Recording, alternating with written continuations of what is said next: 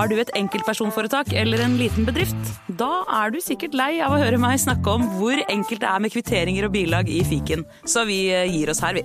Fordi vi liker enkelt. Fiken superenkelt regnskap. Nyt sommerferien på Prime. I'm here to show you a wonderful place. Had a rough week. Opplev spennende turer. Så kan dette bli veldig farlig. Finn sommerkjærligheten. You're like a Coachella. Hi. Hi. Se på Fallout, Furia eller The Idea of You. Og gjør deg klar for en sommer full av eventyr. Bare på Prime. Krever abonnement på Prime Video. Velkommen til Kjemperådet! Hey! Vi har fått inn et kjempenytt problem fra en mor. Jeg leser. Hei, jeg har en datter på 11 år som vurderer å slutte med orientering. Hun elsker jo å løpe, men finner aldri veien. Og jeg må sitte så lenge i bilen og vente. tricky. Ja, men ja dette her har jeg opplevd selv, faktisk. Og løsningen for meg ble da Maps på mobilen. Ja, hun er jo under 13 år. og Da får hun 5 gigabyte data for bare 149 kroner med Telenor. Oi. Hun bør jo sjekke ut nye mobilabonnement på telenor.no, da. Yes! Hei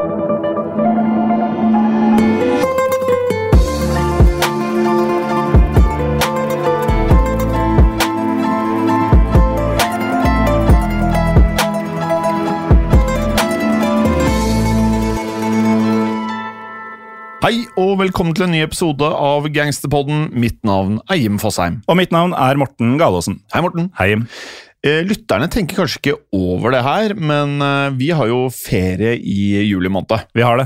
Så det betyr at uh, før juli Mm. så spiller vi inn ganske mye mer enn eh, vanlig. Da er det ganske hektisk, og for de som følger deg på Instagram, Ja. eh, Jim Fosheim i ett ord, Ja, helt riktig. så har man kanskje sett at det er en nedtelling Ja, eh, for en tid tilbake, altså på, i juni måned spesielt, hvor eh, du eh, hadde en 30 podkaster igjen å spille på halvannen uke, tror jeg. Noe Jeg-. Jeg husker ikke hva det startet på. Jeg mener det var sånn 36-34, et eller annet sånt. Og da var det maks to uker igjen av juni, altså Ja. før ferien begynte. Ja, og Vi kan jo si det at eh, vi spiller inn nå lørdagen, altså Mm. lørdagen før ferien. Ja. Um, og da er counten min Jeg har gått fra 36 eller 34, jeg husker ikke hva det er, til hva var det i går? 16? Jeg lurer på det. Ja, så, Og ti av dem er med meg. ja, det er mye podkast. Mm. så mm, etter denne så er det en 15. Ja. Så da er det egentlig bare å starte, da. Ja, for vi skal jo spille inn flere i dag også. Ja, vi skal spille inn flere i dag. Eh, Så selv om denne kommer litt etter noen andre episoder dere kjære lyttere har hørt, så Mm. spilles denne her inn først. For vi gledet oss så mye til å prate om eh, eh, Altså, det er så bra kallenavn Ja. på han fyren her. Det er bra kallenavn, og det er bra tidspunkt for gangstervirksomhet. Helt riktig, for vi skal da tilbake til eh, ja, på mange måter en av mine favorittider i historien, Morten. Nemlig forbudstiden. Jeg har jo kjent deg i mange år, Ja. ehm, også flere år før vi starta Historiepodden. Ja. Men jeg husker noe av det aller første du ville gjøre i Historiepodden da vi starta den, det var å snakke om Al Capone og Chicago-gangsterne på 20-tallet. Ja. eh, forbudstida. Jeg mistenker nesten at du har starta denne podkasten litt sånn på grunn av akkurat eh, denne tidsepoken. Eh, Ja, dette her var faktisk forslaget av en eh, annen kollega av oss, eh, Silje, Mm. som kom opp med denne ideen. Eh, og jeg var ikke vond å be. Nei. For det var jeg som skulle da avgjøre om vi skulle sette av ressurser til den eller ikke. Mm. Og trengte egentlig ikke så vi- vite så veldig mye mer enn tittelen på podkasten. Så bare ja, det, Det gjør gjør vi. Uh, og forbudstiden, ja, det er en av favorittidene mine. Og i sesong én av Historiepodden så har vi to av mine favorittepisoder som vi noen gang har spilt inn. Mm. Den første er vel eh, Den heter vel bare Al Capone, eller? Nei, jeg lurer på om det er Valentine's Ja. Day Massacre. Helt riktig. Og så heter vel den andre bare Chicago-gangsterne, eller noe Ja, sånt? Eller Chicago Outfit eller Chicago-gangsterne. Ja. Et eller annet sånt, ja. Mm. Så kjære lyttere, hvis dere ønsker eh, altså, Jeg syns de blir veldig bra også. Mm. Uh, så hvis dere ønsker mer uh, snacks da om gangstere, ta så sjekk ut de. Uh, tilbake til episoden nå. Vi skal som sagt til forbudstiden. En av mine favorittperioder opp gjennom historien. Og vi skal snakke om en av de aller mest beryktede gangsterne fra denne perioden. Som på en eller annen måte har gått litt under radaren for mange. Han har det, men du nevnte bra kallenavn. Vi skal snakke om Vincent Coll, eller bedre kjent som Vincent Mad Dog Cole. Mad Dog. Og vi kan jo på forhånd, eh, eller vi kan avsløre allerede, at eh, navnet Mad Dog det er velfortjent for denne Vincent. Ja, Kjenner du til rapperen eh, DMX? Ja, Vet du, hva, faktisk. du vet alle rapperne har sånne lyder eller mm. eh, ting de sier som kjennetegner de i sanger, gjerne når de er featuring også. Ja, spesielt eh, den som jeg kommer på først, er Ice Cube sin brr, som om, man, som om man fryser ganske ofte. Ja, uh, 50 Cent hadde bare lyden av en uh, Ja, sikkert en 50 Cent-mynt, da, som bare Mm. klirret. Ja. Uh, DMX hadde ho-ho. Altså, han var en kjøter. Ja. Eh, nærmere bestemt en pitbull, for pitbullen er på mange av coverne hans. Så jeg tenker med en gang litt på DMX ja, når jeg Mm. Prater om Mad Dog. Riktig. Det er en litt annen fyr eh, vi skal snakke Ja, om i dag. ja, ja, ja, ja, ja. For um, selv om vi har snakket om mange ja, svært kaldblodige typer, mange av de mordere selvfølgelig, i gangsterbåten, så er Mad Dog Cole i uh, på sett og vis en klasse for seg selv. På mange måter, da. For um, det er mange som mente at han hadde et uh, karaktertrekk Mm. som jeg tror mange i denne verdenen har. Ja. Uh, han har blitt omtalt som en uh, ekte psykopat. Han har det. Vi starter litt før han ble omtalt som psykopat, nemlig med fødselen. Vincent Cole han ble født den 20. juli 1908 i byen Gweedore i Ireland. Hei! Uh, og så er det jo litt sånn at uh, når vi har denne podkasten, så tror jeg veldig mange, selv om vi har sagt det 100 ganger, når vi prater om gangstere fra USA, så er det mange som tenker at det er italienere. Mm. Men så, eh, det var jo like mye irrer, og Ja, ja. også mange med jødisk eh, herkomst. Uh, Som, dette var de tre grupperingene som gjorde, hadde mest suksess, i hvert fall. Ja, den gang. Den gang. Um, familien til Vincent var fattig og med få muligheter i Irland. Så Hadde, bestem- hadde du gjettet noe annet? Nei. Du hadde ikke det? Nei, mangel på både penger og poteter, si. Um, Because there was the potato famine. yes, um, kanskje ikke på nøyaktig samme tid, men um, uansett, det var få muligheter Ja. i Irland, spesielt når man var fattig i utgangspunktet, så de bestemte seg for å prøve lykken i USA. Ja, Han var ikke gamle karen når han kom, eh, Morten. Han var pjokkete. Han var pjokkete. Han var, han var en liten pjokk, eh, rett og slett. Vil du sagt pjokk eller pjokk? Pjokk. Pjokk. Eh, og med det så kan jeg avsløre at han var eh, akkurat fylt ett år gammel, denne pjokken. Eh, og da kom det jo til Noia Yorke. eh, eller de hadde sagt New York. New Ja, York. ja, de som ikke-italienere, så er det i hvert Ja. fall ikke New York. Og de slo seg ned i en bydel som var svært populær blant folk som kom fra litt røffere kår, og det var nemlig da bydelen Barankese. Eller Bronx. Bronx. Bronx. The Bronx. Men det skulle snart vise seg, Morten, at livet i USA eh, ikke var en veldig stor oppgradering. Nei, det var ikke enkelt for familien i det hele tatt. Og Vincent var jo ikke enebarn heller. Han var den yngste av syv barn, og de levde nå i ekstrem fattigdom. Så faren han endte opp med det um, mange fattige fedre har gjort opp gjennom historien. Forlot familien. Ja. Og innen Vincent hadde fylt eh, tolv år, så var moren hans og fem av eh, de seks eh, søsknene hans døde. Og vi vet i hvert fall at moren hun døde av tuberkulose. ja, Som ikke var helt uvanlig på den tiden, Morten. Langt ifra uvanlig. Og etter morens eh, dødsfall så var Vincent og broren Peter eh, Ja, de var jo faktisk de to eh, som overlevde dette her. Mm. Eh, de var innom en rekke forskjellige barnehjem, og de ble nemlig omtalt som eh, ustyrlige. Mm. Ja, og det tok eh, angivelig heller ikke lang tid før de da ble sendt fra ett sted og videre til et nytt et. Nei, det var ganske nådeløst for ustyrlige små rakkere som Vincent og Peter på denne tiden. Ja, og så kan du jo tenke deg eh, et, Jeg lurer på hvor bra kår det var på disse barnehjemmene også, Morten. Mm. Det må jeg bare si. Jeg tror uh, verken de som holdt, uh, holdt de under oppsyn, eller de andre barna var uh, nødvendigvis de du ønsket å være mye sammen da. Nei, og det var heller ikke de eh, flotteste, mest oppussa, renoverte bygningene med de beste eh, forutsetningene for et godt liv som eh, utgjorde barnehjem, vil jeg tro. Men Vincent og broren de endte da til slutt opp eh, hos en tante som het Mary Freel, og hun bodde i Hell's Kitchen, eh, som bydelen het, på vestsiden av eh, Manhattan, hvor det på denne tiden var en stor andel med irske immigranter. Ja, og i dag Har du vært i Helles Kitchen i dag, Morten? Jeg veit faktisk ikke helt. Nei. Eh, Jeg har nok vært eh, rundt forbi, men jeg la ikke merke til at det var der jeg var. Nei, eh, litt det samme, for jeg har vært flere ganger i Manhattan, Mm. og der føler jeg vel egentlig at alt som ligger på Manhattan er vel sånn relativt fint, da. Ja, det har ikke alltid vært det, Nei. men de stedene som har vært mest sjuskete opp igjennom, som bl.a. Hell's Kitchen en gang var, har jo blitt veldig gentrifisert og flott. Ja. Eh, og det er ikke billig. Det er ikke billig. Eh, Vincent og Peter eh, Morten, ikke bare gikk de fra barnehjem til barnehjem, men de havnet ofte i trøbbel. Og Vincent han ble da, lite overraskende kanskje, flere ganger utvist også fra skolen. Og han skal da ha vært mye sammen med andre ungdommer som drev med kriminalitet. Ja, det er jo en kjensgjerning at man Trøblete folk finner hverandre. Ja, på en eller annen merkelig måte så er det sånn eh, det blir til. Og han ble da snart med i en gjeng. Og denne gjengen Den het, og jeg tror de fleste lytterne kanskje ikke vet hva dette betyr, men de kalte seg The Goffers. Ja, eh, og gopher er kanskje ikke noe man eh, nødvendigvis oversetter. Det høres jo egentlig litt tøft ut i utgangspunktet. Ja, det høres egentlig litt barskt ut. Det skrives da G-O-P-H-E-R-S. Ja, Og det høres tøft og barskt ut helt til du oversetter det, egentlig. Ja. eh, en goffer er én pungrotte. The Goffers er pungrottene. Ja. og, og denne pungrottegjengen den var ledet av Owen Madden, også bare kalt Oni.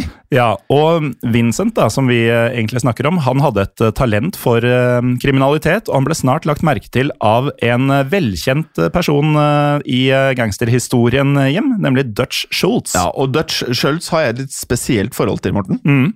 For han var en av de første gangsterne som jeg bet meg merke i i veldig ung alder, faktisk. Ok. Eh, når jeg så på gangsterfilmer og serier og alt mulig, så var det et eller annet med det navnet Dutch Schultz Mhm. Som bare satt seg. Og på den tiden så trodde jeg at alle gangsterne i USA stort sett var italienere. Ja, ikke sant? Og det var den jo ikke. Nei. Jeg kan jo nevne at eh, Vi har jo selvfølgelig hatt en episode om eh, Dutch eh, tidligere i Gangsterpodden. Det har vi, men eh, jeg kan jo også eh, nevne at eh, de fleste tror kanskje at han var eh, irsk. Ja, eller nederlandsk. Eller nederlandsk, eh, men han var da altså Jeg nevnte jo at de tre store på den tiden, det var eh, eh, folk fra Italia, folk fra Irland og de med jødisk herkomst. Og Dutch Schultz han eh, var ikke det jeg trodde. Jeg trodde han var irsk, eller nederlandsk, som du sier. Han var da eh, av jødisk herkomst eh, og hadde tjent masse, masse penger på spesielt alkoholsmugling, som det var jo prohibition era dette her, forbudstiden, og den andre klassikeren som var stort på denne tiden, nemlig gambling. Ja, og som de fleste lytterne våre sikkert vet fra før, så ble The Volstead Act eh, innført den 28. oktober 1919. Jeg er så opptatt av eh, The Volstead Act, jeg, Morten. Ja, og det er ikke så mye acten i seg selv, men det som fulgte i kjølvannet av Ja. den. Eh, For dette gjorde det jo ulovlig å drikke, produsere eller omsette alkohol, og markerte jo da begynnelsen på din favorittepoke, forbudstida. Og til alle lyttere, når dere ser eh, mafiafilmer, gangsterfilmer, serier, det som måtte være, bare husk på The Voldsted Act, for det nevnes mye oftere enn det man tror hvis man ikke er bevisst på det, faktisk. Ikke sant? Um, Men selv om uh, dette tilbudet da på alkohol forsvant, så var etterspørselen på ingen måte noe mindre. Nei. Om, om ikke annet så føltes det nesten som at den steg. Ja. For når du først ikke kan få noe, så vil du ha mer av det. Ja, så Man husker jo starten av pandemien, eh, hvordan det var med toalettpapir f.eks. Ja, det ble bare helt umulig å få tak i. Ja.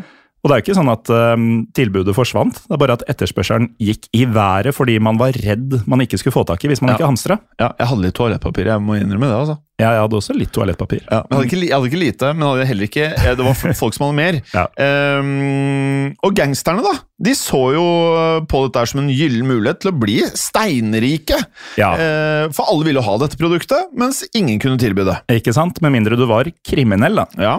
Og Vincent han var jo en aggressiv og brutal fyr, og var villig til å gjøre hva som helst for å lykkes, og dette gjorde han til et fryktet medlem av gjengen til Dutch. ja, og vi kan jo også legge til, Morten, at uh, denne oppveksten, altså det Vincent har på CV-en, det er jo en perfekt CV for å kunne lykkes i denne verdenen. Det er en oppskrift for å gå inn i denne verden med nebb og klør. Ja, og han eh, levde på riktig tid i forhold til det han skulle bedrive. Ja.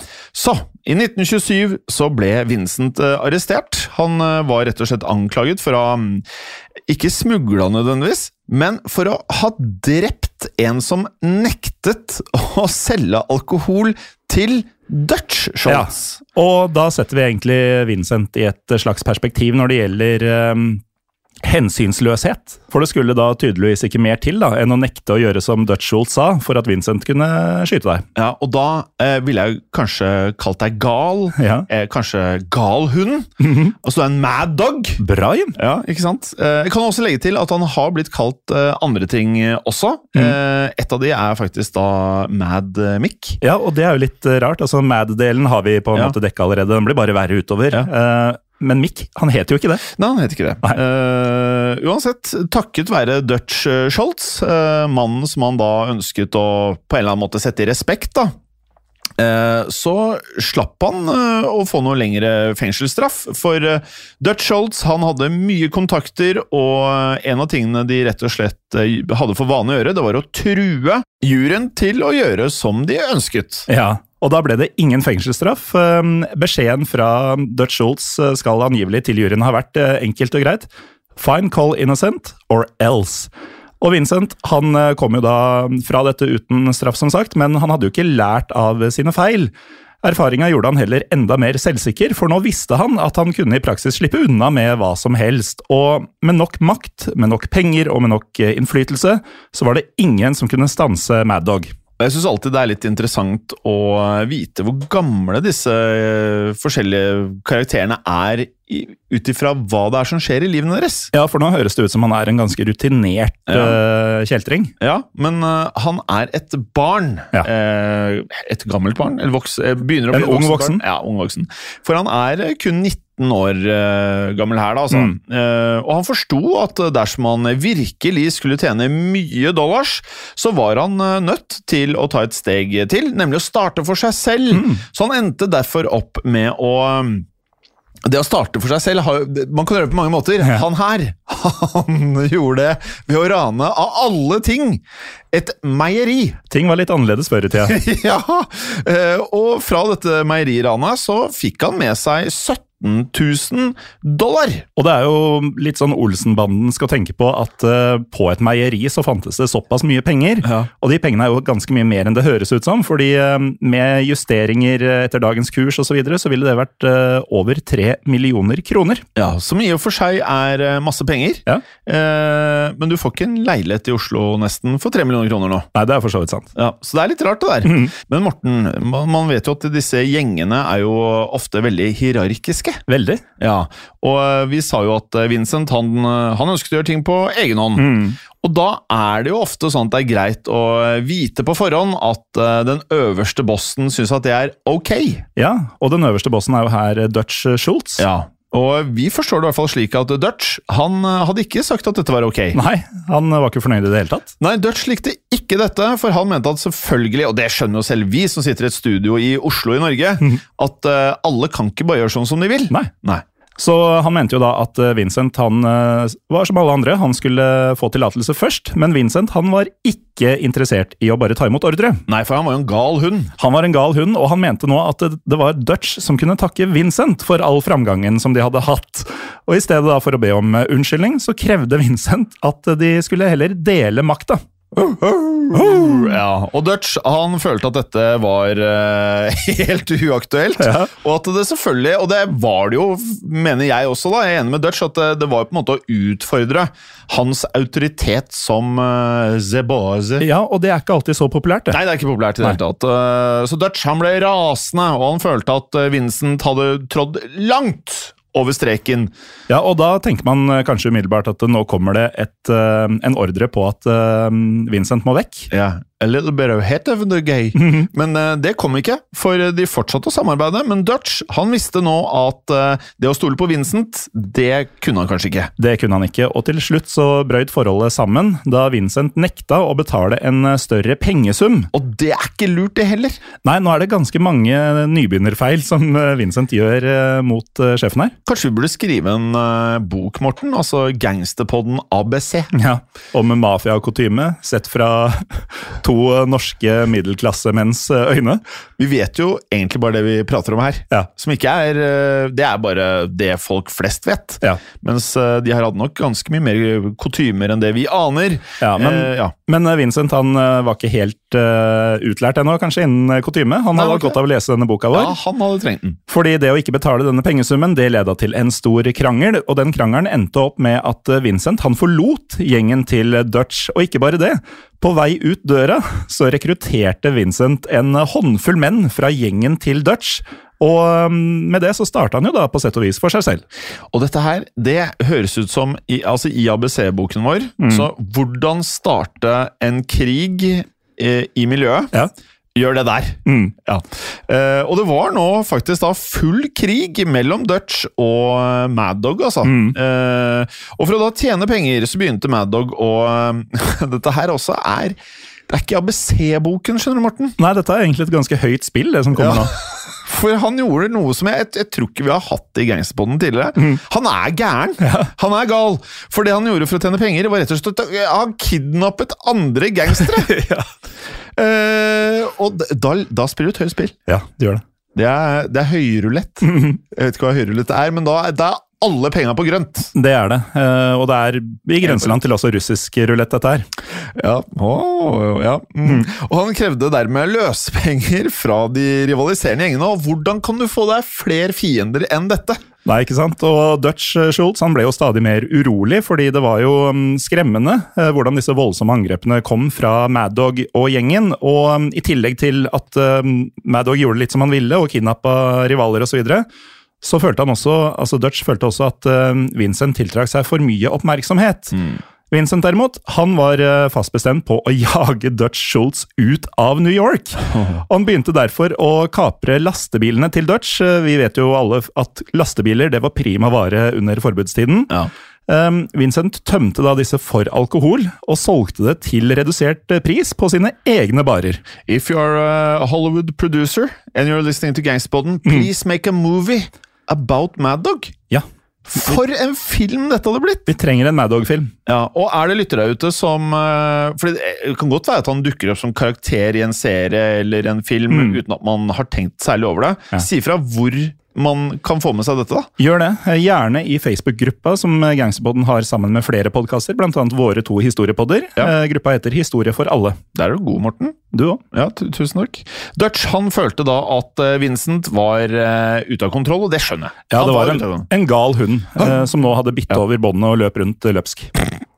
Og Vincent han hadde begynt da å drepe øh, mennene til Dutch også. Så det var liksom ikke bare disse lastebilene og at han skadet han økonomisk. Han begynte nå å plukke folk fra det som faktisk ga Dutch makt, da. Altså hæren hans. Ja, og det var ikke bare fotsoldatene, det var noen av Dutch sine mest betrodde menn. Ja, og han gjorde også noe annet som øh, sikkert var veldig destruktivt øh, økonomisk. Han brant ned et øh, kjempelager, et øllager, som selvfølgelig ble gjort for å da skade Dutch økonomisk. Og til slutt da, så bestemte Dutch seg for å svare med samme mynt. Og vel så det. Og vel så det, Morten, for han prøvde da flere ganger å drepe Mad Dog, altså. Og han var villig til å bruke mye penger, Morten. Det var han. Blant annet så skulle han da bestikke korrupte politimenn, for å da rett og slett bruke de til å ta livet av Mad Dog. Men Mad Dog han var en, eh, ikke bare en gal hund, men også en sleip ål, og han kom seg alltid unna. Og Vincent hadde etter hvert blitt så berykta at um, folk våga ikke å utfordre han. Så i mai 1931 så bestilte Dutch i stedet et eh, hit, som vi liker å snakke om i Gangsterpodden, på ikke Vincent Cole, men eh, broren Peter. Og vi har jo ikke pratet så mye om Peter i dag, eh, Morten. Nei, men vi har jo nevnt at han er den eneste overlevende i søskenflokken, og dermed en veldig viktig del av livet til Vincent. Ja, og selv om han går litt under radaren her, så er han å betrakte som Vincent sin eh, høyre hånd. Ja, Han var jo selvfølgelig en del av gjengen til Vincent, eller Mad Dog, og hadde jo blitt arrestert flere ganger. Bl.a. Blant annet for biltyveri, eh, for ran og min favoritt, å utgi seg for å være politimann. Ja, det er mye snacks her. Mm. og med det så var det sånn at eh, da var jo Peter både den eh, tryggheten som Mad Dog hadde igjen i livet, og han var også viktig i forbindelse med tanke på driften av gjengen. Nettopp. Så det å miste Peter var egentlig det verste som kunne skje Vincent. Og nå skulle det skje. For Peter han kom en dag gående alene på Harlem Street, og ble da skutt på åpen gate, og skal ha blitt sett liggende død på et gatehjørne. Og Vincent han reagerte selvfølgelig på verst tenkelig måte med enormt raseri og også hevnlyst, for nå hadde han jo mistet det eneste av familien han hadde igjen. Og dette skulle nå, Morten, lede til en enorm oppskalering av krigen mellom Mad Dog og Dutch, eh, som igjen eh, resulterte i flere brutale angrep på Dutch sine menn. Ja, i løpet av de neste tre ukene så drepte Vincent personlig fire av mennene til eh, Dutch. Her ble det ikke bestilt noen hits, han skulle gjøre jobben selv, Mad Dog. Men eh, selv om dødstallene steg, så føltes det verken som om Mad Dog eller Dutch var i ferd med å vinne denne krigen. Nei, for både Dutch og Vincent innså til slutt at eh, som med de fleste mafiagjenger, så innså også de at eh, denne krigingen kun kostet dem penger, og det tok mye tid, og det dro altfor mye oppmerksomhet til det de holdt på med. Så de ble enige om å da inngå et midlertidig forlik, altså en våpenhvile, men det skulle på ingen måte vare for evig. Det skulle det ikke. Vincent han fortsatte å utvide territoriene sine, og han tok også kontroll over deler av Harlem og Bronx, som tidligere hadde blitt styrt av Dutch Schultz. Og Vincent han brukte stort sett trusler for å få det han var ute etter, og hvis han hadde lyst til å ta over f.eks. en bar, så spurte han ikke eieren hvor mye det ville koste. Han eh, fremførte i stedet bare trusler om å drepe eieren dersom det ikke forlot ikke bare barn, men New York. Og dette ryktet da, som Vincent hadde opparbeidet seg, og som han da i aller høyeste grad også pleide på daglig basis, virker det som, det var eh, sjelden nødvendig å komme med flere argumenter enn å bare si det som det var. Ja, Du gikk ikke i en diskusjon med Mad Dog. Du Um, gjorde ikke det. Men nå var det ikke bare Dutch Schultz som lot seg irritere av Mad Dog sine metoder. For de andre gjenglederne de følte nemlig at dette var en voldelig og impulsiv og rett og slett um, farlig type. Og det føles ut som de hadde helt rett. Ja, for de fleste de var jo villige til å true, til å bruke vold og til å drepe, men de følte jo at vold burde være siste utvei.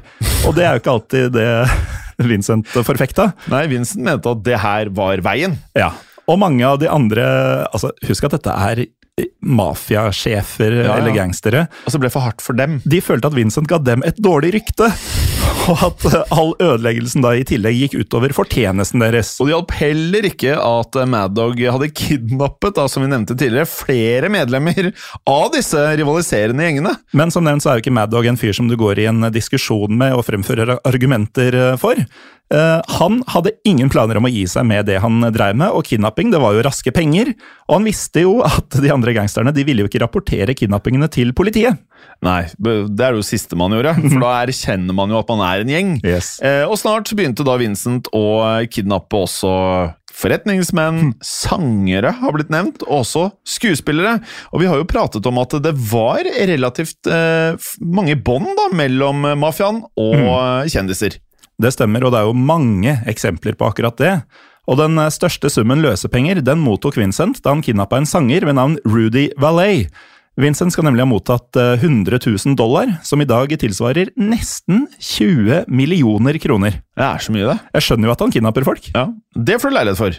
Det får du mange leiligheter for. Eh, men selv om Vincent da tok eh, mye sjanser, han tok risiko med disse kidnappingene, så ble han fremdeles ikke plaget av politiet. Nei. Nei. For han var smart nok til å bruke en del av de pengene han tjente, på å da gi tilbake til politiet. Ja, Være gavmild eh, til samfunnet, om du vil. Dette er også ABC, altså. Rett i boka. Ja, rett i boka. Eh, og med det så hadde han jo utrolig mange av disse politimennene som var i nærområdet, nettopp på sitt lag. Mm. Og dette gjorde jo at Vincent fortsatte å provosere de andre, og um, dette nådde nye høyder da han kidnappa George DeMange. George var nemlig en av uh, Oni Madden, som vi nevnte tidligere, sine nærmeste samarbeidspartnere, og Madden hadde, som nevnt, vært leder for den første gjengen som Vincent ble med i. Og dette ble sett på som en grov fornærmelse, og Madden han sverga nå på at han skulle ta hevn. Og at dette skulle bli sett på som en fornærmelse, det kunne vi fortalt Madog. Ja, så I ettertid så skulle vi jo ha oversatt eh, boka vår til engelsk, sånn at Ja. Maddog kunne lese den. Og levd eh, for 120 år siden. Ja, det var det òg, da. Ja, det var det også. Og vi nevnte jo at eh, Vincent og gjengen de tjente jo masse på disse kidnappingene. En formue. En formue. Og sannsynligvis så kunne de levd utrolig godt bare av dette. Men Vincent han følte etter hvert at han ikke fikk nok oppmerksomhet. Nei, det stikk motsatte problemet til de andre vi har nevnt. For eh, disse kidnappingene de gikk stort sett under radaren for allmennheten. Og til sammenligning så fikk da både Dutch og Madden langt mer oppmerksomhet. eh, Såpass mye at de ble behandla som kjendiser på nattklubbene i New York. Utrolig mafiaete. Ja, veldig. Um, og Vincent han begynte å lengte da etter samme type anerkjennelse. Vi kan jo prate litt om hva avisene på denne tiden drev med. For de skrev nesten aldri om Vincent, mens de andre gangsterne de fikk store oppslag. Og det er jo urettferdig. Ja, han syntes det. Og Vincent hadde nemlig ikke skjønt det at Dutch betalte journalistene for å skrive disse artiklene, eh, der han da rett og slett eh, var hovedinnholdet i disse. For selv om han var en tøff og kompromissløs mann, så var Vincent Mad Dog svært opptatt av hvordan han fremsto. Han brukte masse penger på dyre dresser og hatter, som jo var en del av motebildet på denne tida, og ønska å bli sett på som mer enn bare den brutale gangsteren som han var. Vincent han ønska å bli respektert og beundra, men han følte etter hvert at han eh, i stedet bare var frykta. Ja, og eh, igjen, jeg tar denne quoten eh, kanskje litt for ofte, men jeg syns den er så bra. Det er da fra Scarface, når eh, sjefen til Scarface eh, sier noe om hvordan man burde opptre for å vare lenge i bransjen. Så sier han da at eh, alle de som vil ha chicas, flash, champagne, de varer ikke lenge. Mens de som, eh, jeg tror han sier fly straight, og ikke lager masse kaos, Ja. de kan holde på lenge. Nettopp. Vincent er ikke helt den som ikke vil ha chicas, flash, champagne. Nei, nettopp. Og vi nevnte jo det at Vincent han hadde rykte på seg for å være hard. Han var hensynsløs, og han ble spesielt såret da han innså at selv ikke andre irrer respekterte han. Det må svi. Det må svi. Og mange så i stedet ned på han og følte kanskje at eh, Vincent ga irske immigranter mer et dårlig rykte enn at eh, de så opp til han da. Så nå opplever han at både irske immigranter føler at eh, han gir dem et dårlig rykte, men eh, tidligere nevnte vi også at de andre gangsterne følte at han ga dem et dårlig rykte. ja. og dette er jo noe han da tok tungt, men han prøvde å late som at det ikke gikk inn på han i det hele tatt. Han omtalte i stedet de andre immigrantene som små, mislykkede tapere som bare var sjalu på hans suksess. Og Han følte da at de andre mangla ambisjoner, og at de var for feige til å gjøre det samme som han hadde gjort. Og det som er veldig interessant, Morten, er at mange tror at det var denne frustrasjonen som fikk Vincent til å gå til angrep på Dutch igjen. Og i juli 1931 så prøvde da Vincent eh, å kidnappe en av Dutch sine mest betrodde løytnanter. Ja, og her har vi kommet fram til eh, et av de mest kontroversielle øyeblikkene i livet til Mad Dog. Og dette kidnappingsforsøket det skulle få enorme konsekvenser for Mad Dog. Hele historien får du etter en kort pause. Welcome back, let's. Welcome. Vi var eh, midt i historien om eh, Vincent Mad Dog Coll og det som skulle bli en svært så skjebnesvanger avgjørelse. Ja, for Mad Dog han hadde nemlig bestemt seg for å kidnappe en av Dutch Schultz sine løytnanter. Og selv om han hadde hatt stor suksess med kidnappinger tidligere, så skulle han støte på problemer denne gangen. Målet var Joey Rao. Ja, Og det er jo et navn vi bare har lest, så Ja. vi veit ikke om det er Rao eller Rayo eller ja. ja. Det skrives RAO. Ja. Og vi kan legge til at eh, Vincent han eh, hadde ikke noe imot å være delaktig i disse tingene selv. Nei. Nei. Eh, Og Joey han innså hva som foregikk, og åpnet ild mot bilen der Vincent også befant seg. Vincent og mennene hans de skjøt tilbake, og i denne skuddvekslingen så ble rett og slett da fire unge barn truffet. Eh, og en fem år gammel Michael Vengali endte opp med å dø av disse skadene. Og det var denne episoden som skulle gi Vincent kallenavnet Mad Dog. Dette drapet fikk jo enorm oppmerksomhet, og Vincent fikk nå mer oppmerksomhet enn noensinne. Avisartiklene de kalte han for Baby Killer, og Mad Dog ble da beskrevet som et eh, hensynsløst monster. Ja, Han ble også kalt The Worst Criminal in America, og havnet derfor øverst på listen over FBIs mest ettersøkte. Og tenk deg, eh, altså han var kanskje den mest hensynsløse av dem alle. Og så er det ikke laget noe særlig med filmer eller serier om han. Nei, og det er jo litt av en historie her, og vi er jo langt fra ferdig. Men denne oppmerksomheten som han hadde higa etter tidligere, den fikk han jo nå i høyeste grad. Men det var jo ikke han som dikterte narrativet, for å si det sånn. Så Mad Dog Cole han prøvde nå å inngå en allianse med en annen gammel kjenning av podkasten, Jack Legs Diamond, og vurderte nå å forlate New York. Men Legs han var ikke sikker på om han kunne stole på Vincent, men var likevel villig til å gi han en sjanse. Etternavn på Diamond, det er fabelaktig. Jack Diamond, altså. Og så blir du kalt Legs. Ja, du trenger egentlig ikke noe kallenavn når du heter Jack Diamond. Nei, Men i mellomtiden så hadde politiet i New York arrestert da mesteparten av gjengen til Vincent. Ja, for det var jo ikke lenger eh, så enkelt å bestikke politiet når du var på Most Wanted-lista til FBI. Nei, det var ikke mulig lenger, og det skulle kun gå få dager før Vincent og Leggs også ble arrestert. Vincent han ble da siktet for drapet på den fem år gamle gutten. Og de fleste antok da at Vincent også ville bli funnet skyldig i det drapet, og mange spekulerte i at han ville bli dømt til døden. Men eh, Vincent han hadde sikret seg eh, den kjente forsvarsadvokaten Samuel Leibowitz, og dette skulle bli svært avgjørende for utfallet av rettssaken. For Leibowitz han hadde mye erfaring med å forsvare gangstere, og han var beryktet for å ta over rettssakene med sine lange, dramatiske taler. Ja, men det var også en grunn til at alle de største gangsterne hyra han inn, for Leibowitz han kom alltid godt forberedt, og det var uhyre sjelden at han tapte en rettssak, nesten uavhengig av hvordan oddsene så ut. Leibowitz han valgte å fokusere på aktoratets hovedvitne, for Leibowitz han mente at vitnet var upålitelig og kom en stor avsløring. For det viste seg nemlig at George Brecht hadde gjort en karriere ut av vitne i straffesaker. Ja, Det er ikke så gunstig å bli eh, tatt for, og uten et pålitelig hovedvitne så ble det åpenbart at eh, aktoratet ikke hadde noen god sak mot eh, Vincent, som dermed ble frikjent, og var snart tilbake på gata. Hadde du tenkt, Morten, at hvis det var deg at når du da kom ut, så skulle du holde en lav profil? Jeg hadde jo tenkt at nå har jeg virkelig sluppet unna med noe jeg ikke burde slippe unna med. Nå har det gått for langt, nå Ja. trekker jeg meg rolig tilbake. Ja. Men øh, jeg er jo litt annerledes skrudd sammen enn Mad Dog, da. Ja, Nå heter jo du Mad Hill til etternavn. Det er sant. Ja, eh, Men Mad Dog han valgte å ikke holde noen spesielt lav profil. Nei. Eh, Og han skulle snart gjøre en kritisk feil, for han ble tilbudt 50 000 dollar for å drepe Charles Lucky Luciano. Altså kanskje den viktigste og mektigste gangsteren i hele USA. Ja, Og 50 000 dollar da, det er nesten 10 millioner i dag. Så du skjønner at en type som Mad Dog har vanskelig for å si nei her. Dette var da litt over tre meierier, han, dette. Ja. Det var det, og dette var også ansett som et eh, stort beløp for å gjøre en hit på en annen gangster, men så var jo heller ikke Lucky Luciano en eh, enkel person å ta av dage.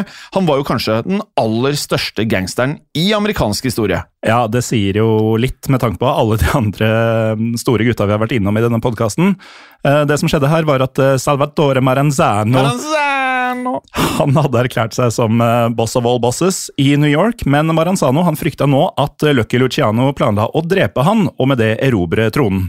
Maddog han forsto at dette var et eh, svært risikabelt oppdrag, men han takket allikevel eh, ja til dette, her, Morten. Og den 10. september 1931 så ble Lucky invitert til et møte av Maranzano, og planen var at Vincent skulle drepe Lucky i løpet av nettopp dette møtet. Men eh, Lucky han hadde øyne og ører litt overalt og hadde fått med seg at Maranzano planla å drepe han.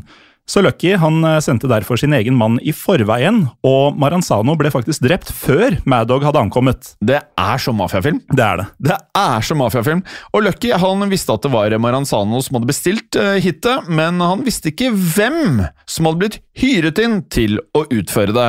Og på vei ut av bygningen som drapet hadde skjedd i, så fikk Lucky sin hitman øye på Mad Dog. Så denne hitmanen kunne da fortelle Lucky at Mad Dog sannsynligvis var involvert. Og dermed så bestemte Lucky at eh, Vincent også skulle tas av dage. Ja, og um, Lucky han var, um, han var splitta her, fordi han var uh, rasende fordi dette, um, den ordren hadde kommet mot han. Men han- var også litt beæra over den høye dusøren, så han tok eh, kontakt med Oni Madden og fortalte at eh, han var villig til å matche denne summen. Så Lucky Luciano han tilbød dermed 50 000 dollar til den som kunne drepe Vincent Mad Dog Coll. Det er kaldt. Det er kaldt. Og kalibrert, Morten. ja. Og med så høye summer, Morten, så er det jo alltid noen som er interessert i å få tak i disse pengene. Ja, folk liker penger. Ja, folk liker penger, spesielt i denne bransjen. Så leiemorderne Leonard Scarnici og Anthony Fabrizio de tok på seg dette oppdraget. Bra navn. Fantastiske navn. Eh, og med det så dro de for å finne Mad Dog. Ja, men de visste ikke hvor Mad Dog oppholdt seg, men de fikk et tips om at Maddog Mad Dog var å finne i en leilighet i Bronx. Så de storma da inn i denne leiligheten, hvor det befant seg seks andre mennesker. Og verken Leonard eller Anthony hadde noen gang sett Mad Dog, så de tenkte at det var like greit å være på den eh, sikre sida, og skjøt alle disse seks, og endte opp med å ta livet av tre av mennene. Ja, det er litt uh, nesten en eh, massacre. Ja, det er en massacre, og en kunne jo tenke seg at de kanskje skulle få noen bilder å gå ut fra, da, når de ikke hadde sett fyren. Men det skulle vise seg at Mad Dog ikke engang hadde vært i leiligheten. Ikke ennå. Nei, for Mad Dog han ankom senere og forsto da, når han så dette blodbadet, at Lucky var ute etter han. Ja, og som vi allerede har nevnt, så hadde Mad Dog mange fiender, og både Dutch Schultz og Oni Madden følte at det var på høy tid nå at Mad Dog fikk som fortjent. Til tross for alle konfliktene, Morten, så stolte fremdeles Mad Dog på Madden. Ja, Han gikk derfor med på å møtes da Madden tok kontakt. For Madden han hadde nemlig noen svært betryggende ord til Maddog. Han fortalte Vincent at eh, han hadde kommet til en enighet med de andre gjengene, og denne avtalen skulle da gjøre at alle ble fornøyde. Med andre ord så var da budskapet det at Vincent nå ikke behøvde å dø. Og Vincent han var takknemlig og dro for å møte Madden, og han følte seg ekstra trygg da de ble enige om at de skulle møtes i denne bydelen Hell's Kitchen, for det var nemlig Madden som kontrollerte dette området. Ja, Denne gangen så ville Madden forsikre seg om at alt gikk etter planen. Han hyret derfor inn en tidligere bekjent av Mad Dog, som da skulle samarbeide med disse hitmennene. Ja, og Mad Dog han følte jo nå at han ble jakta av samtlige hitmen i New York, og han tok sannsynligvis ikke feil i det, for hele byen hadde jo fått med seg dusøren på disse 50 000 dollarene. Den 7. februar 1932 sjekket Vincent inn på Cornish Arms Hotel. Dagen etter, altså 8. februar, så gikk han til en telefonkiosk inne på et apotek for å ringe Madden. De hadde da avtalt å prates for å diskutere denne våpenhvilen. Men disse tidligere nevnte leiemorderne, Leonard og Anthony, de satt i en bil like ved, og da de fikk bekreftet at det var Mad Dog som hadde gått inn på apoteket, så var tiden inne. Ja, Leonard han gikk inn på apoteket han med en Altså denne Tommy Gunn. Ja, Tommy Gun som Ja, det var jo en Thompson som kalles Tommy Gun, altså et maskingevær. Og den var i klassisk eh, mafiastil gjemt under eh, frakken. Ja, og det er ikke et lite maskingevær det her. Det er svært! Så det betyr også at det er en svær eh, frakk, en eh, trenchcoat antagelig. Antageligvis. Eh, og han beveget seg da videre mot Vincent, som nå sto og pratet med Madden i telefonen. Leonard han fyrte løs mot eh, Vincent, for han skulle nå forsikre seg om at Vincent faktisk døde. Og så, når det var gjort, så spaserte han ut av apoteket, og han kan ikke ha vært der mer enn halvannet minutt. Nei, og det var eh, halvannet eh, effektive minutter, fordi Vincent var så full av kulehull at det ikke var mulig å fastslå hvor mange ganger han var skutt. Eh, veldig ofte, Jim, når det er folk som blir skutt og drept, så kan man si veldig spesifikt 12 skudd, 18 skudd, 30 skudd. Her var det altså så mange at du klarte ikke å, å telle det opp ordentlig. Ja. De fleste rapportene de skriver at han ble truffet av 15 skudd, andre hevder at det var 50. Ingen ble noensinne arrestert for drapet på Vincent Mad Dog Cole, men mannen som skjøt han, Leonard Scarnici, han ble henretta året etter for å ha drept en politimann. Altså Denne Leonard Scarnici han virker jo også verdig å undersøke litt nærmere, eller? Ja, han var i hvert fall en eh, hitman som eh, gjorde det han fikk beskjed om. Ja. Vi nevnte jo tidligere i episoden at eh, det startet mye i eh, 19-årsalderen. Og så alt det vi har beskrevet, og det her er ganske ekstremt Altså, det skjedde på kun ja, fire-fem år. Ja, og Det aller meste som vi har snakka om, har skjedd i 1931 og tidlig 1932. Veldig begivenhetsrikt eh, år. Ja, for nå skal dere lyttere få lov til å gjette. Hvis dere har eh, vært årvåkne og fulgt med på datoene eller årstallene, så vet dere kanskje allerede. Men hvor gamle tror dere Mad Dog ble?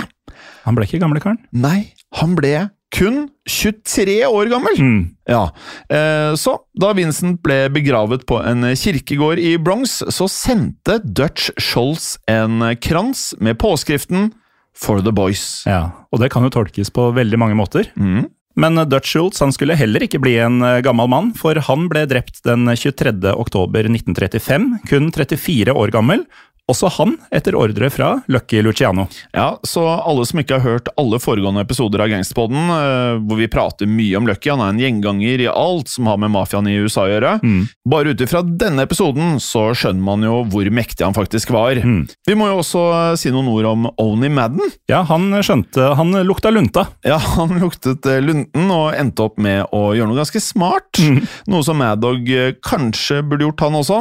For Madden han endte opp med å forlate New York kun kort tid etter at Maddog ble drept. Og da har vi kommet til veis ende med historien og kommet fram til ukas gangsterlåt, hjem. Ja, denne uken så var det mange låter eh, vi vurderte, altså. Ja, jeg har jo tenkt eh, Vi kan jo si at vi kommer til å nevne et par-tre låter nå. Ja. eh, For å finne ut hvilken det faktisk ble. Så må man gå inn på Gangsterpodden spillelista på Spotify. Veldig bra, Morten. Et alternativ kan være REM Leaving New York. Et alternativ kan være DMX med X Gonna Give It To Ya. Ja, Og et tredje alternativ kunne vært Deep Purple med låta Mad Dog. Morten, Mm. ikke så med fiskene. Men hold det gangster. Ha bra. Ha det.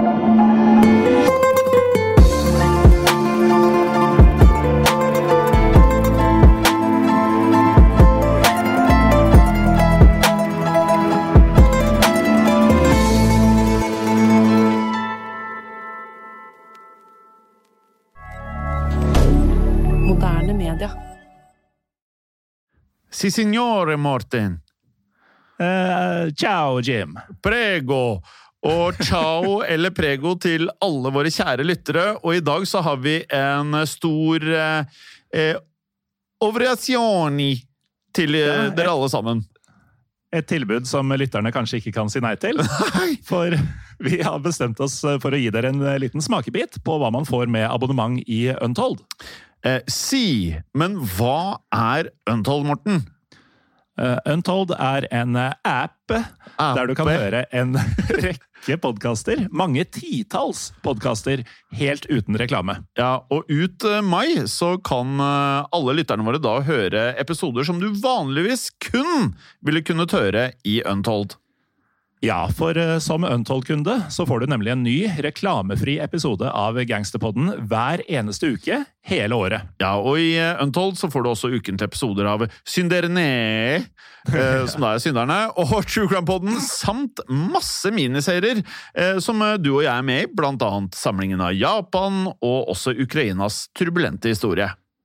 Ja, og så får man jo også tilgang til Historiepodden, og der vil man kunne høre episoden om torgslaget i Kristiania i forbindelse med 17. mai, og den bør alle få med seg. Ja, og det tenker du er spesielt relevant, for vi er i mai måned, da, eller? Det er nettopp det, vet du. Si. Og er det sånn at du som nå hører på, sitter igjen og tenker at du ønsker å høre en ny episode av Gangsterpodden hver eneste uke? Da er jo dette her veldig enkelt, for da er Untold løsningen for deg. Nettopp, så da går du inn på AppStore eller Google Playstore og laster ned Untold, eller du bruker nettleseren og går til untold.app for å starte ditt abonnement i dag. Si. Og da kan du da få 30 dager helt gratis hvis du ikke har gjort dette tidligere også, og det er jo en eh, overraskelse du ikke kan si nei til. Ja, det er en grunn til å ikke sove med fiskene. Ja, det er det, men også holde det gangster. Ha det bra!